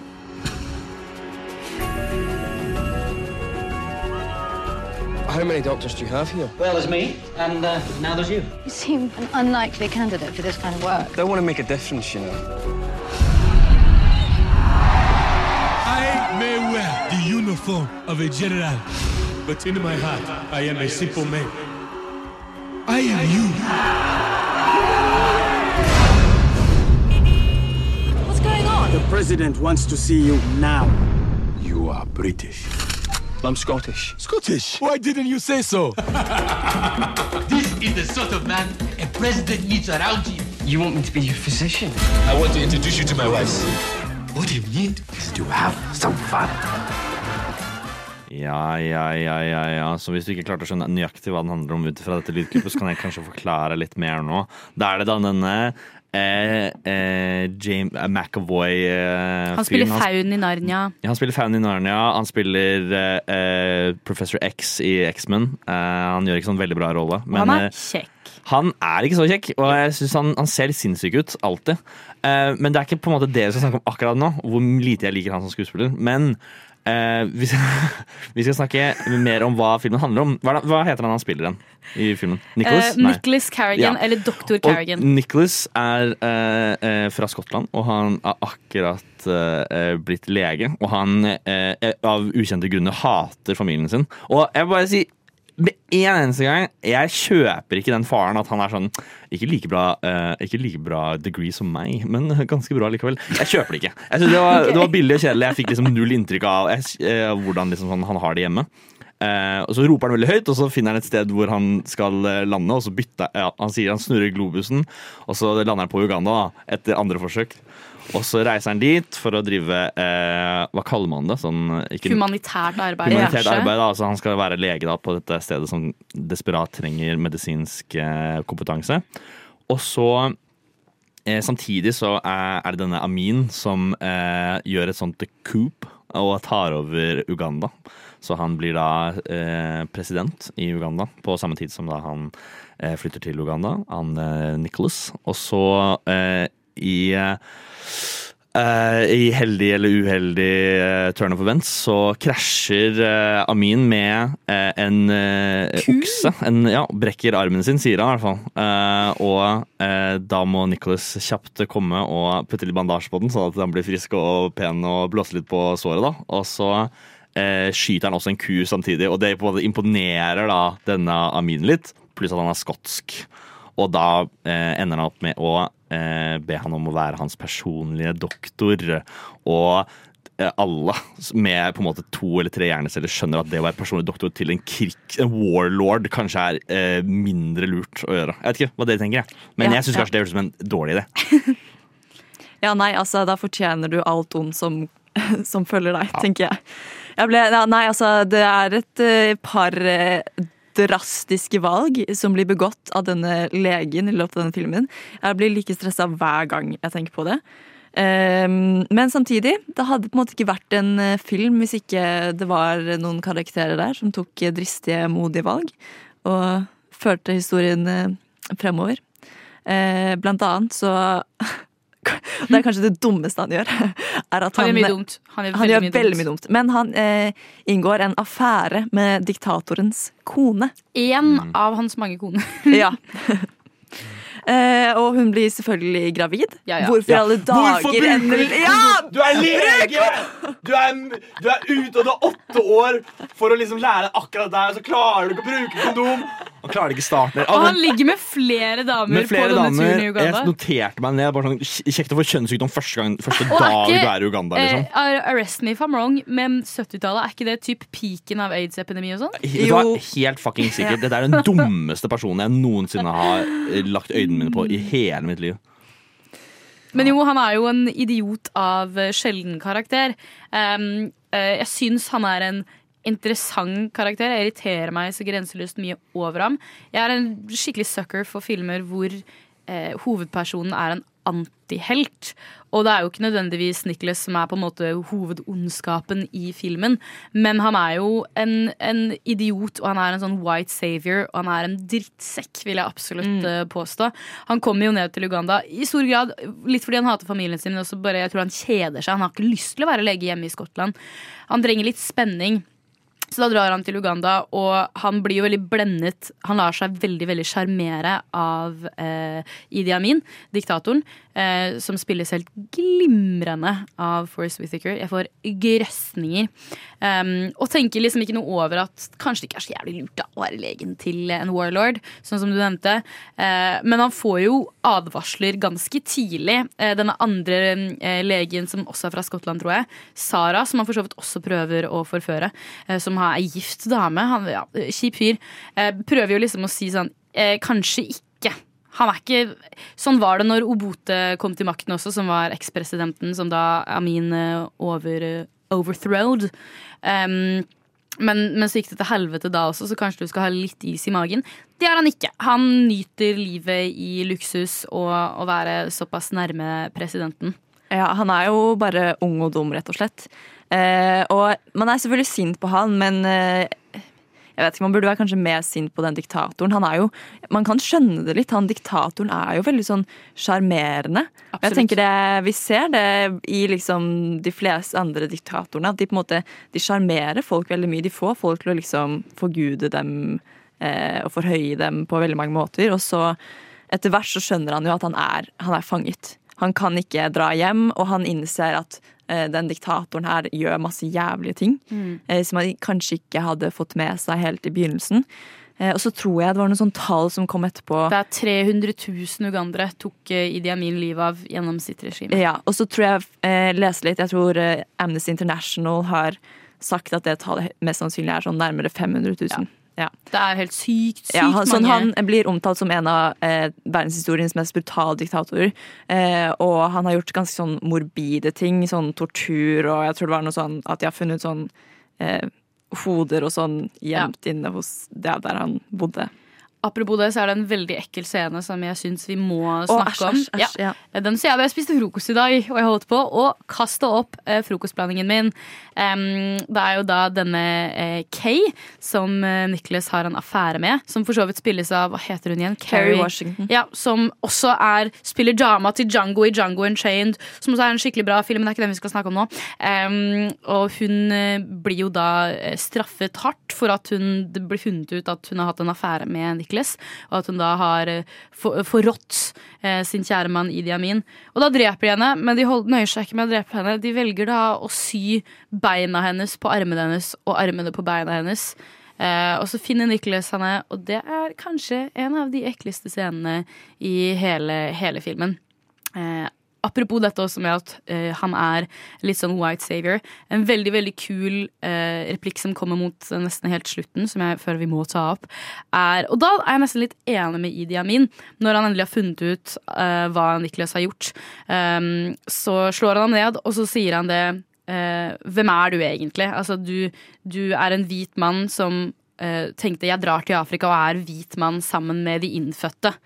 Eh, Men vi er ekte. Dette sykehuset er ekte. Dette rommet vi sitter i, er ekte. Og din død kommer til å være det eneste ekte som noen gang har skjedd i livet ditt. Og eh, det er knallhardt og helt jævlig. Men, men han har også litt rett. Fordi eh, ja, Nicholas er jo utrolig utrolig naiv, og han lever i en slags sånn boble og velger å ignorere alle de tegnene rundt ham. Du lytter til Nova Når. Jeps, vi har snakket om uh, filmer om diktatorer. Vi har da diskutert Der Untergang og The Last King of Scotland og The Death of Stalin. Uh, tre ganske ulike filmer, men de har jo ting til felles, som Johannes nevnte under låten her. Uh, folk er dumme, sa Johannes. Ønsker du å utdype denne påstanden? Nei. Nei, Ja, ok. Jeg kan gjøre det. Det er bare eh, Det er i hvert fall veldig tydelig i Runtergang at sånn, alle i denne bunkeren som de liksom er i, det er veldig sånn surrealistisk. Alle er veldig tjukke i huet. Ingen skjønner liksom hva som skjer, og folk oppfører seg veldig rart. Og det er liksom sånn, Dere skal dø snart, og så liksom ler man og drikker man. Og jeg kan skjønne liksom den litt, men folk oppfører seg som om de liksom de ikke De later som de ikke skjønner hva som skjer, og ja, de Jeg vet ikke. Jeg bare får sånn her sinnssykhet uh, rundt hele stemningen. Jeg, vet du hvorfor jeg tror det er sånn? Nei, Eller det- at folk er bare liksom går med på å gjøre sånne syke ting. Jeg tror at, uh, at vi blir tiltrukket av mennesker som har ekstremt mye selvsikkerhet. Og diktatorer har ekstremt mye selvsikkerhet. Ja. Jeg tror det er litt viktig for å kunne bli diktator og kunne ta over et helt land, eller flere land eller et helt kontinent, som Hitler eh, klarte. Du må tro på deg selv helt, helt enormt mye. Hver den selv at- 110 Hver Ok, er Alle nye diktatorer, som, eller aspirerende diktatorer, ta så finn fram notatblokka, så skal Astrid fortelle deg litt hvordan, hva som er viktig. Og, Dette er 101 how to be diktator. Nei, men Jeg tror det er superviktig å uh, Jeg kan ikke formulere det sånn. Tror det er superviktig å tro på deg selv når du skal bli diktator. Men det går jo igjen for alle disse menneskene at de har jo helt enorm uh, selvtillit. Um, til den grad at alle disse menneskene rundt, og jeg vil jo påstå at mange av folka rundt diktatorene er mye mer intelligente enn diktatorene. Eh, Jeg oppfatter det i hvert fall Mm. som at en del av disse generalene for eksempel, til Hitler er smartere enn han. De innser jo eksempel at krigen er over veldig mye før. Mm. Og jeg syns det er en kul scene i um, Der Untergang hvor Hitler typ har gitt opp, han klikker på dem, og så er han sånn Bare gjør, gjør det dere vil, bare gjør det som må til for at vi skal klare å vinne krigen og holde Den røde armé unna. Og når alle disse generalene da står utenfor dette møterommet og diskuterer, så klarer de ikke å bli enige. Om, Ja. om hva de skal gjøre. Ja, det er det. De, de, og de er uh, undoubtedly De er mye smartere enn Hitler, men, oppfatter jeg. Men de velger likevel å være sånn Nei, vi vet ikke hva vi skal gjøre. Vi, vi legger all vår tillit til der Führer. Men de vet at han er gæren. Det har klikka for Hitler for lenge siden. Ja. Fordi han mener jo at uh, han, han sier jo det Jeg nekter å overgi meg, og jeg nekter dere å overgi dere også. Ja, jeg tror det er en eller annen quote av en eller annen person, uh, og nå kommer ikke jeg, jeg husker ikke hvem det er, og jeg husker ikke helt hvor den er, men det, den sier på en eller annen måte at um, for, dumme folk uh, har ofte eh, veldig mye selvtillit, Absolutt. mens folk som har høy intelligens, har ofte veldig mye tvil. Eh, og derfor eh, kan eh, intellektuelle, men eh, folk som tviler på seg selv, ofte eh, bare følger folk som har masse selvtillit og selvsikkerhet. For det, det, det føles litt sånn trygt på en eller annen måte. Å bare tenke at ja, men de fikser det, jeg stoler på de, jeg følger alt det de gjør. Eh, ja. Og det er et eller annet begrep som jeg ikke husker hva, hva, hva, hva det er. Men det er nettopp dette liksom havet av uvitenhet. Det at jo mer du vet og jo mer du lærer deg, jo mer usikker blir du på deg selv. Fordi du Mm. innser at herregud, det er så sjukt mye jeg ikke vet eller ikke kan noe om. Mens dumme mennesker og det, ja, det finnes mye dumme mennesker i verden. Hei. Eh, hei, Johannes. Hei. Se på deg. De, eh, de er jo ikke klar over hvor mye de ikke vet. Og derav har de helt enorm selvtillit. Nettopp. Fordi de, de, det, er, ja, de, det er ikke noe som får dem til å tvile på seg selv. Fordi de, de tror de er verdensmestere, og de tror de er uovervinnelige. Og hvis du da sper i en god dose med liksom nasjonal romantikk, eh, så tror jeg du kan komme ganske langt med, eh, med å bli en fascistisk eh, leder. Johannes, hva tror du eh, krever annet enn selvtillit for å bli en diktator? Jeg tenker bare sånn her liværlære og Så lenge man er seg selv 110 um, Jeg vet ikke. Men eh, åpenbart bart er jo et, et av eh, Kriteriene. Ja, fordi Så at, du, du- så jo det med Amin, da, at det gikk jo ikke så veldig bra med han. Og Nei. en av de grunnene han hadde jo ikke bart. Så du kan egentlig bli diktator fordi du har bart? Det er spesielt det er lettere for meg å bli diktator enn dere to. Av mange årsaker. Av mange årsaker. Mm, Det patriarki, tror jeg lenge også. leve, og så Yeah. alt det greiene der. Og hester. Refererer tilbake, refererer tilbake til uh, Barbenheimer-episode forrige uke. Mhm. Um, mm. Nei, jeg vet ikke. Jeg syns det, det er på en måte det er et veldig interessant tema, da, dette med diktatorer og sånn. Og det, det er veldig gøy å se på sånn uh, En diktator er på en måte eh, OK spennende, men det er jo det som er rundt diktatoren som er det som er interessant. Liksom, hvorfor følger alle disse folkene denne personen? Og det var liksom Det ble veldig bra eh, Det ble veldig bra eh, gjort satire av i eh, denne Stalin-filmen. Eh, den skal få litt creds for det. Med at eh, de rundt eh, skildrer veldig godt sånn der, den derre eh, eh, stemningen rundt en diktator. Med at man, eh, man eh, prøver å gjøre denne personen eh, så lykkelig som mulig og glad som mulig og bare fornøyd hele tiden. Med at man skriver ned alle vitsene som funka sånn på kvelden, for å så si de samme vitsene samme dagen etterpå. Ja. Bra illustrert, på en måte. Det er utrolig mye vi kan ta tak i her, og vi skal diskutere enda litt mer rundt hvorfor man skal lage filmer om diktatorer, og, og eh, hva slags filmer vi har uh, der. Før det så skal vi tøyse litt og leke en lek, kanskje. Uh, men aller først skal du høre en låt.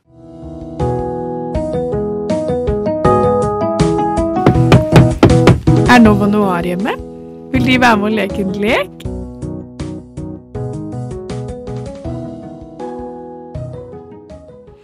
Vi er hjemme, og så klart vi har lyst til å leke en lek. Ja.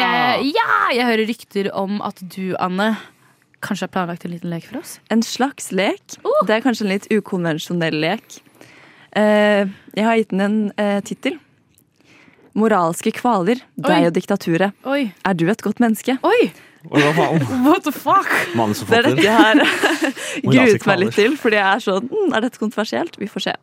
Eh, Det første, den første moralske kvalen er og disse kvalene er da basert på filmene vi har sett, så kan hende vi trenger litt kontekst innimellom. Er det greit å være utro hvis du befinner deg i et fremmed land som er herjet av en morbid diktator? Og husk, du er veldig kåt. Så dette er en slags sånn uh, nødt eller sannhet fra helvete, på en måte? Ja. Ok, spennende. Skal vi liksom svare nå hva vi syns? Ja, sånn, Hva mener ned, dere si sånn moralsk? Nei, bare si det. Om det er greit å ligge med kona til en diktator Nei, nei, nei, altså sånn eh, fordi eh, han eh, legen eh, har jo en flørt med sin kollega. Ja. eh, Som er gift. Ja. Er, det, er det greit? Når dere er eh, Ja. langt, langt borte. Uh, Nei, fordi mannen hennes er der. som tilhenger av eh, eh, kristendommen, så må, må jeg bare si at det absolutt ikke er greit. Nei, som ikke tilhenger av kristendommen også, så vil jeg sagt at det er jo på en måte Det er jo ikke greit. Eller det kommer an på hva slags interne eh, avtaler de har. da Men siden du sier utro, så tenker Kanskje jeg at mest de åpent så enige forhold? ja, det vet ikke ikke du, Johannes. Jo, jeg tror jeg skjønner det. Ja. At de ikke har det. Ja. Jeg sier nei. Jeg sier også nei, og en liten tilleggsting jeg har lyst til å snakke om der, eh, ref. filmen, er at han er veldig ekkel, fordi når han eh, prøver å kysse henne, og han drar henne med ut for en A we drink on the porch, så har hun ikke lyst. Hun sier ganske tidlig sånn Nei, dette jeg, nei, nei takk. og så tar han han i hånda og er sånn jo jo, a we drink on the porch. Ding, Ekkel ding, fyr. ding. Dere er begge et godt menneske. Yes. Oh, ja, det er du som er det moralske kompasset Du er det her. moralske kompasset her. Jeg forstår. Det syns jeg er skremmende. Um, du har sjansen til å redde diktatorens lege, slik at han kan dra til Vesten og fortelle om det grusomme regimet i landet ditt. Men du vet at det vil koste deg livet ditt. Hva gjør du? Og Dette er altså en referanse til at uh, han kjære legen vår blir hengt etter huden sin og torturert og skal bli Mm. drept. Nam-nam. Men så skjer det litt kaos, eh, og, uh, og så er det en uh, kollega av han som finner han og har muligheten til å redde ham og sende han av gårde på et fly. Hva hadde dere gjort? Fordi han, han mister jo livet sitt. Jeg har lyst til å si eh, at jeg hadde ikke hjulpet dr. Carrigan, fordi han er eh, en piece of shit fra en annen verden. Men noen ganger så må dårlige mennesker også være viktige budbringere, dessverre. Så det er jo ikke så veldig mange andre som har muligheten til å komme seg ut derfra, som kan fortelle som førstehåndskilde om all the shit that happened. Mm, han sier også at det er fordi han er hvit at eh, de kommer til å tro på han. Altså, Ja. sånn han tilbake og fortelle. Det er, på en måte, det er jo nesten litt sånn trist sannhet i det. Ja, det er akkurat det. Jeg liker ikke å si Eh, at det er sant, men det er nok dessverre. I hvert fall på 70-tallet så tror jeg ikke Jeg ville sagt jeg har null til overs for den jævla legen, så jeg ville bare, kanskje bare latt han henge. Og bare, Sorry, ass, det er ikke så jævlig farlig. Nå skal jeg heller snakke med en av de andre britene om det. Ok, Ja. Astrid, godt menneske. Johannes, Nei. dårlig menneske. Ja, Jeg kan ikke tro at jeg ikke klarte det. Og nå kommer det store spørsmålet som ikke har en fasit. Ok, Eh, som ingen blir enig i. Da må du svare du òg, da. Dreper du Hitler-baby? Og hvis jeg hadde hatt en tidsmaskin Ja. og reist tilbake, Mm. så hadde om jeg hadde drept Nei. Lett. Enig. Ja, Fordi eh, Johannes, Ja, hiv den ut av vinduet. Ja, det gjorde den. Stopp. 100 Lett. eh, når Hitler var baby, så var han jo ikke ond. Eh, ingen mennesker er født onde. Nei, men han blir det. Ja, fordi Men- han strøyk på malerskolen og sånn. Men jeg tenker at hvis jeg først har en tidsmaskin og kan gå tilbake i tid, Ja. så vil jeg bare bli vennen til Hitler, og så kan jeg sørge for at han ikke blir et fascistisk rasshøl. Uh, ja, ok. Mm. Da kommer det andre Mm. spørsmålet. Slipper du Adolf Hitler inn på Kunsthøgskolen? Han var ikke flink nok. Han Jeg er ikke, jeg er ikke for, Jeg jeg har er ikke for kvotering. Jeg har sett maleriene til Hitler, og de er dårlige, ass. Ja, det er sikkert ganske dårlig. De er ikke bra. Nei. Jeg er, ikke, jeg er ikke for uh, kvotering bare, på grunn av, bare for å redde seks millioner uh, massakrerte folk. Så tenker jeg sånn eh, Bare de som fortjener å komme inn, skal komme inn. Det hadde vært noe annet om man var, uh, nei, om man var en minoritet eller noe, men det var han jo ikke. Ding, ding, ding. Mm. Dere er bra mennesker. Men Takk. hva med Johannes? Vi Han ville drepe baby-Hitler. Er Ja, jeg ville drepe baby Hitler. Hitler. Hitler. Eh, Det ville jeg gjort. Okay, Tror du det er litt, var det en er litt svakt. Det er litt svakt. Fordi vi vet jo ikke hva som kunne skjedd. Tror du han hadde bart? Eh, nei. Okay. Nei. Eh, nei, man vet jo ikke hva som hadde skjedd. Nei, og på en måte mye av de eh, på en måte meningen og følelsene som Hitler eh, brakte til folk, er jo på en måte, det lå jo litt inne allerede. Med tanke på at økonomien deres var ball-ass drittdårlig. De var ganske lette å overtale på det tidspunktet. Jeg tror det er mange, eh, ikke nødvendigvis Hitler, som kunne ha gjort akkurat det De samme var han gjorde. kjappe til å kaste jødene under bussen. Ass. Ja, det det var, det. Og det var jo fort. resten av Europa også. Så Ja. Jeg tror ikke du sto så veldig sterkt hvis du var jøde i Norge heller. Det er jo en grunn til at det ikke var så veldig vanskelig å overtale norske politimenn til å deportere norske jøder heller. Ja, Liksom. og det var, det egentlig veldig få Det var egentlig få norske jøder i Norge også. Så det var liksom sånn Ja. der, Å ja, ja, vi kan godt gjøre det. Og så er det sånn ti stykk, og så sender man dem bare ut. Det var ikke Ja. ti stykk. Nei, okay, det er litt mer Johannes, jeg tror vi skal være litt kildekritiske til det Johannes Ja. sier her nå. Jeg bare sier at det, Nova står ikke for de tingene jeg sier, men jeg gjør det. Ok, så eh, kommer vi til et av mine hovedpoenger eh, fra å se disse filmene. Jeg syns det er veldig mange mennesker her som gjør skikkelig modige ting som jeg aldri hadde gjort. Det mener jeg generelt også når jeg ser filmer og hører om ekte historier fra eh, kriger. Eh, så dette spørsmålet er Ofrer du livet for fedrelandet? Vår kjære kong Harald. Hallo, kom igjen, ikke vær svak. Nazistene gjorde det. Tør du ikke? Har du skrevet dette selv? eller? Når gjorde satt du i går kveld? Jeg bare sier at det, er- det, finnes, det finnes ikke grenser for hva jeg ikke hadde gjort for kong Harald. Jeg elsker, jeg elsker monarkiet. Jo, nei. Jeg står for så lite Johannes står for. Jeg har lært mye dårlige ting om denne sendingen hans. Hva da? Jeg elsker kong Harald! Nei da. Ok, altså sånn, jeg hadde ikke gått til fascistiske uh, grenser, selvfølgelig, for å beskytte kong Harald. Jeg hadde egentlig ikke gjort så veldig mye. Jeg hadde stemt for å la han på en måte ha det bra, men jeg er jo for demokratiet. Ja. Så om demokratiet hadde bestemt seg for at kong Harald må ut, kastes ut av vinduet, holdt jeg på å si, sånn ikke bokstavelig, men uh, Ikke sånn som i Exorcist, Nei. ikke bokstavelig, men mer i en sånn derre eh, eh, på en måte Metaforisk, fremsti- metaforisk måte. på en måte. Metaforisk måte. Ja. Så, så ville jeg stemt han ut. Vi er litteraturstudenter. Ja, jeg ville brukt demokratiet som virkemiddel. Jeg ville aldri ofret mitt liv for fedrelandet. Jeg backer ikke fedrelandet. Mm, jeg backer ikke fedrelandet. Men jeg backer Asbjørnsen og Moes folkeeventyr. Utover det Jeg er litt sånn ambivalente fedrelandsfølelser fra deg. Ja, er jeg er en Du er for det, sviker. nas- er du er for det romantiske, men mot det nasjonale. Hmm. Kan jeg ikke få bare én av delene? Er ikke det lov? Jo, absolutt. Jo. Jo. Jo. Hæ? Hva? Denne leken har skapt en, eh, en vill friksjon begynte i med så god stemning i starten av studio. Du har bare ødelagt vennskap i dag, ja. Anne. Det viser seg at jeg er for demo nei, hva heter det? diktatorer, så det ble liksom dårlig. Eh, Har vi tid til et siste spørsmål, eller? Eh, Ja, Absolutt. absolutten. Å nei, du har gjort diktatorens kone gravid. Du har to valg. Utfør en abort og risikere å bli avslørt. Eller fortell diktatoren at hun har ligget med en annen enn deg selv.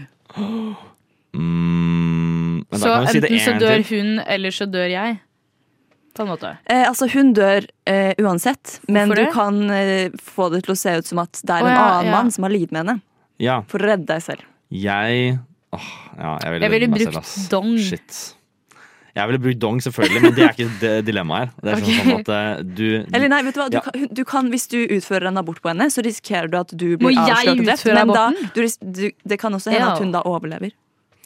Uh, Ok, nå ble det veldig komplisert, dette dilemmaet. Okay, jeg, Oppsummer igjen. Jeg kan ta abort. Jeg kan babydrepe babyen. Ja, du kan ta abort, men uh, du risikerer at det blir avslørt. Men du kan også uh, Det kan hende hun overlever, og at dere slipper unna med det. Men det er risiko for å bli avslørt, eh, så da kan du velge å skylde på en annen mann.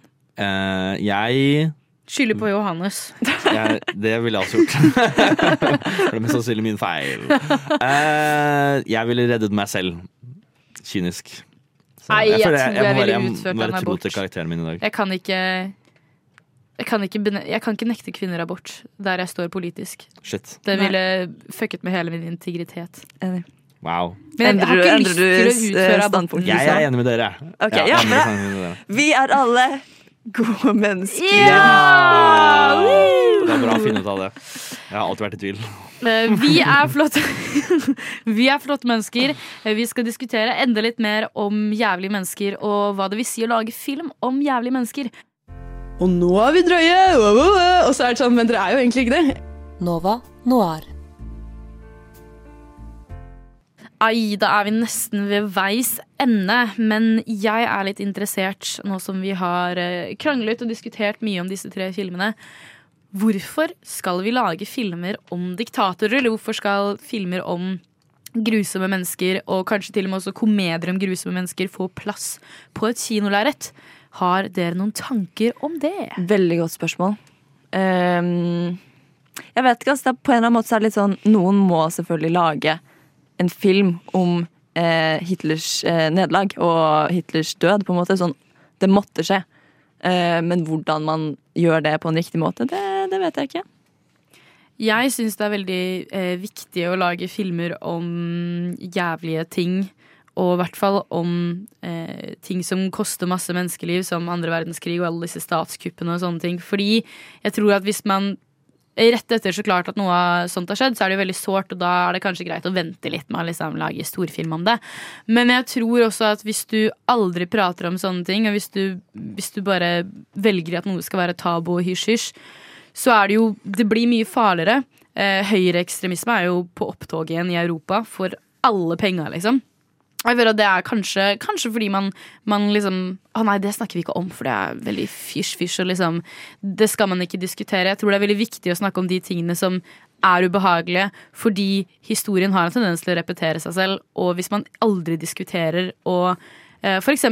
gjennom mediefilm da, viser hvordan, hvor helt forferdelig det kan gå hvis farlige, dumme mennesker får mye makt, så tror jeg det har veldig lett for å skje igjen. Og kanskje det også er en veldig sunn måte å rett og slett le litt av disse, disse menneskene.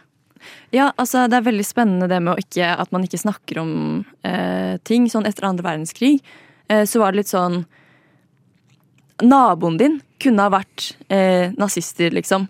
Og kunne ha gjort forferdelige ting mot din eh, på en måte familiegård. Og så er krigen over, og så skal man liksom gå videre som et samfunn.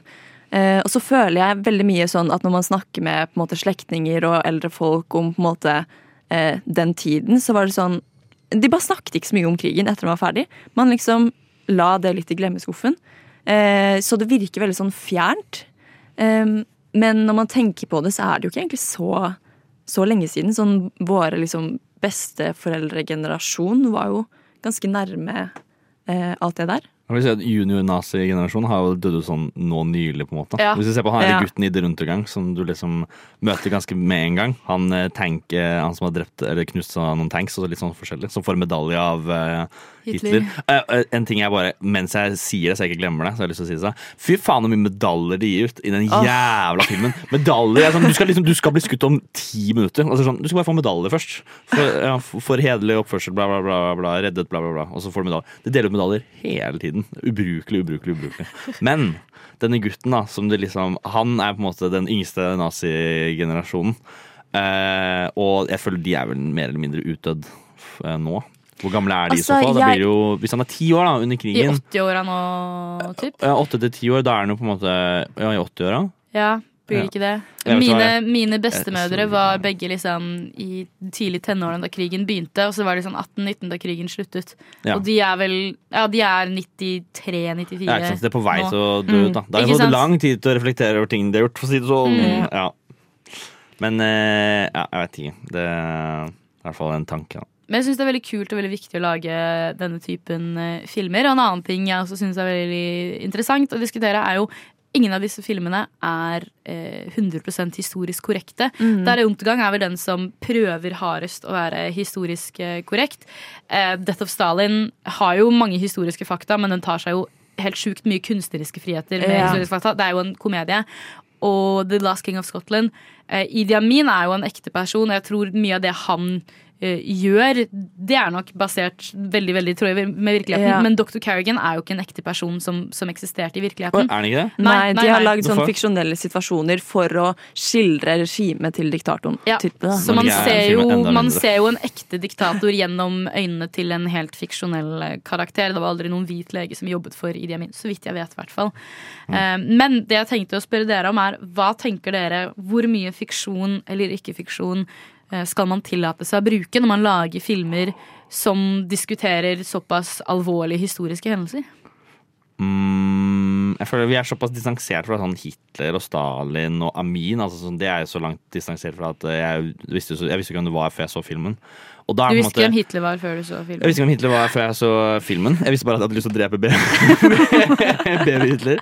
Uh, men nå skjønner jeg på en måte hvorfor det er en, eh, en populær uh, ting å spørre folk om. Du hadde drept baby Hitler. Jeg skjønte jo ikke det før. Bare, hvorfor skal man drepe en baby som heter Hitler? Eh, Uansett, da, så, uh, så er man såpass stor distanse fra disse hendelsene at det er, liksom, det er helt greit å tulle så mye man vil med det. Og det er jo en, hva heter han der Taika Watiti, Han har jo lagd en film Ja. som også handler om det. Hva heter den? Jojo Rabbit. Jojo Rabbit. Og det Mhm. også er jo en veldig tullefilm som handler om da en gutt og hans sånn imaginære Der er jo Hitler-fantasi. Hitler-fantasi, Ja. Uh, og det er liksom sånn da, Man kan lage helt sånn absurd tulleting av Hitler uh, fordi at vi det er såpass lenge siden. Noe av Ja, det var det er relevant. lov å kødde med andre Det er lov å kødde med, og det er lov å kødde med. Stalin og det er lov å kødde med Mao Zedong hvis man har lyst til å gjøre det. Liksom. Ja. Det er ingen som har gjort det ennå. Her er det unge norske filmskapere. Kanskje dette har vært noe å plukke opp på. Eh, men det liksom så, når det kommer til 22. juli, som er liksom en helt forferdelig hendelse, det også eh, Og det er liksom sånn, det er jo ikke på eh, det er jo en helt annen type hendelse, selvfølgelig. For det er jo ikke på samme, det er ikke på samme sånn regimeskala. Ja, det er forskjell men- på liksom- terrorperson ja, og det er liksom det er en av de verste hendelsene i sånn historie. Men eh, det blir på en måte veldig annerledes å lage en film om nå. Altså Vi har ikke den der distansen fra det som har skjedd ennå. Og det er fortsatt en veldig sånn Ja. påtrengende problem som er litt sånn ømt Du skal fortsatt. holde deg ganske nær eh, virkeligheten da. Så. Ja, da skal du være litt forsiktig med eh, hva du gjør. Jeg har bare sett den der eh, one take-filmen. av Erik Poppe. Ja, den har var jeg kjempebra. Den syns jeg var veldig bra. Eh, så bra som en sånn type film kan være. Være. Og jeg føler kanskje det var sånn den definitive kanskje, Nå er vi litt ferdig med å lage film om dette, greia. ja. men jeg, jeg, jeg sverger altså når vi er 75 år, så kommer det til å være en eller annen sånn action, litt sånn die hard oh, Som Som ja. ut nei, Nei, som, Breivik. liksom er, som er sånn her Ja, som eh, på en måte Brei, Breivik er da han der eh, i, i Shoot the Glass i Die Hard, og Mm. han tyske fyren også. ko- kommer han en eller annen ung som har liksom smuglet med seg et våpen og kommer og eh, dreper Breivik eller et eller annet. Det kommer til å være, det ender opp sånn. Jeg sverger. Som jeg nevnte i stad, jeg tror humor og fiksjon er eh, effektive, eller kan i hvert fall være effektive, og gode virkemidler for å fortelle historier om grusomme mennesker. Når det gjøres på riktig måte, og jeg tror også det å ha nok distanse til det er ganske viktig. Men jeg tenker at når du skal lage noe for mediefilm, så er det litt Du må jo kunne klare å fortelle en historie sånn at folk ønsker å følge med. For det viktigste er jo at folk får det med seg og skjønner alvoren i det du prøver å presentere. Hvis det krever at du har med litt fiksjon, eller finner på en fiktiv doktor, eller kødder litt med ting, eh, så, så syns jeg det er helt greit. Men du må jo ikke undergrave hvor alvorlig noe er for det. Men, men det skal jo sies at det alltid er noen sånne filmbros hver gang det kommer ut en sånn type film som er sånn Det er faktisk ikke historisk korrekt, fordi akkurat det der skjedde ikke, skjedde ikke på ekte. Nei, jeg føler sånn Kunstneriske friheter må man bare ta. Ja, det er film, det er skal, kunst, på en måte. Det skal formidles en historie, og da må måte, man må ta seg de frihetene man kan. Også sånn, når det kommer til sånne ting som Stalin og Hitler, så er det sånn der, folk er ikke sånn der Dette er faktisk en utrolig viktig detalj som ble utelukket. Bare sånn, Alle detaljene fins, og alle vet alt. på Du måte. kan Det er ikke lese sånn, Ja. enorme mengder bøker om, om disse folka. Hitler har en litt lengre bart liksom, enn det han hadde i virkeligheten, så er det ikke sånn, ingen bryr seg om det, for alle vet hvordan han egentlig så ut. Altså, sånn, ja.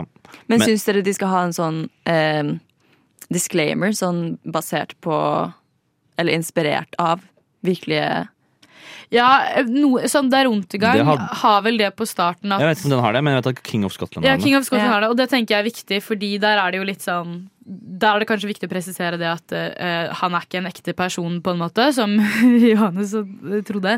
Men der er det liksom viktig å kanskje sånn Fordi den eh, oppfattes såpass virkelighetstro. Men jeg tenker sånn før Georgia Rabbit eller The Death of Stalin Ja, Hvis du trenger en disclaimer der, da er du dum. Ja, hvis du trenger, For sånn, hvis du trenger å bli minnet på at Hitler eksisterte, liksom, da Ja, ikke sant? sorry, ass, det trenger man ikke. Men det jeg skulle si som var litt gøy, er at denne Chaplin-filmen, Dictator Speech eller noe, er det ikke den den heter? Den heter The Dictator, Ja. Da spiller jo han Hitler.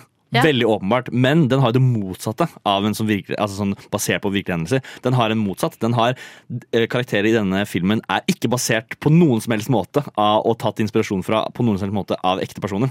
Og det er litt morsomt, for den ble jo lagd på da fem Nei, den ble lagd på 40-tallet eller 30 30-tallet eller noe. Så det er faktisk litt morsomt, da. Den har det motsatte. Det er sånn, her er ikke basert på noen som helst i det hele tatt. Og det er veldig kult. Men det er noe åpenbart. Den er basert på Hitler. Ja. Veldig, veldig tydelig.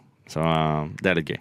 Nei, Jeg syns fiksjon er et veldig effektivt eh, virkemiddel. Eh, sånn Avslutningsvis har jeg lyst til å spørre dere hva er favorittfilmen deres av de tre vi så i dag? Hvilken likte dere best, og kjapt hvorfor?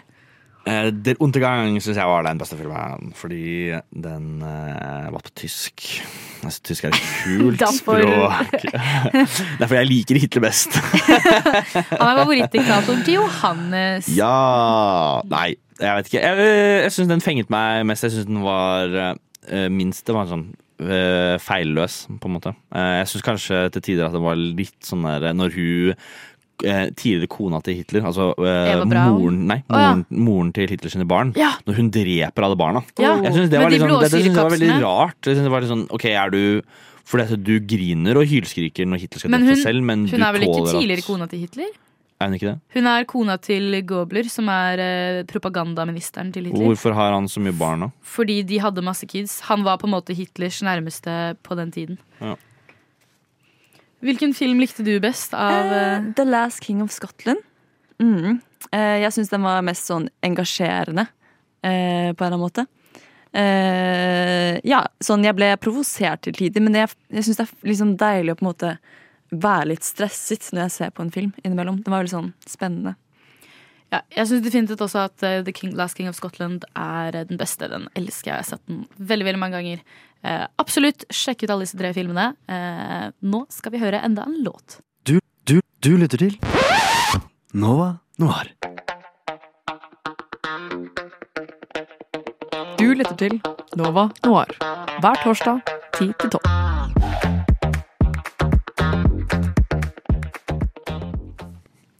Jeps, da er vi ved veis ende. Dessverre, jeg vet du er like trist som meg. Du har da hørt på eh, Radio Nova på Nova Noir.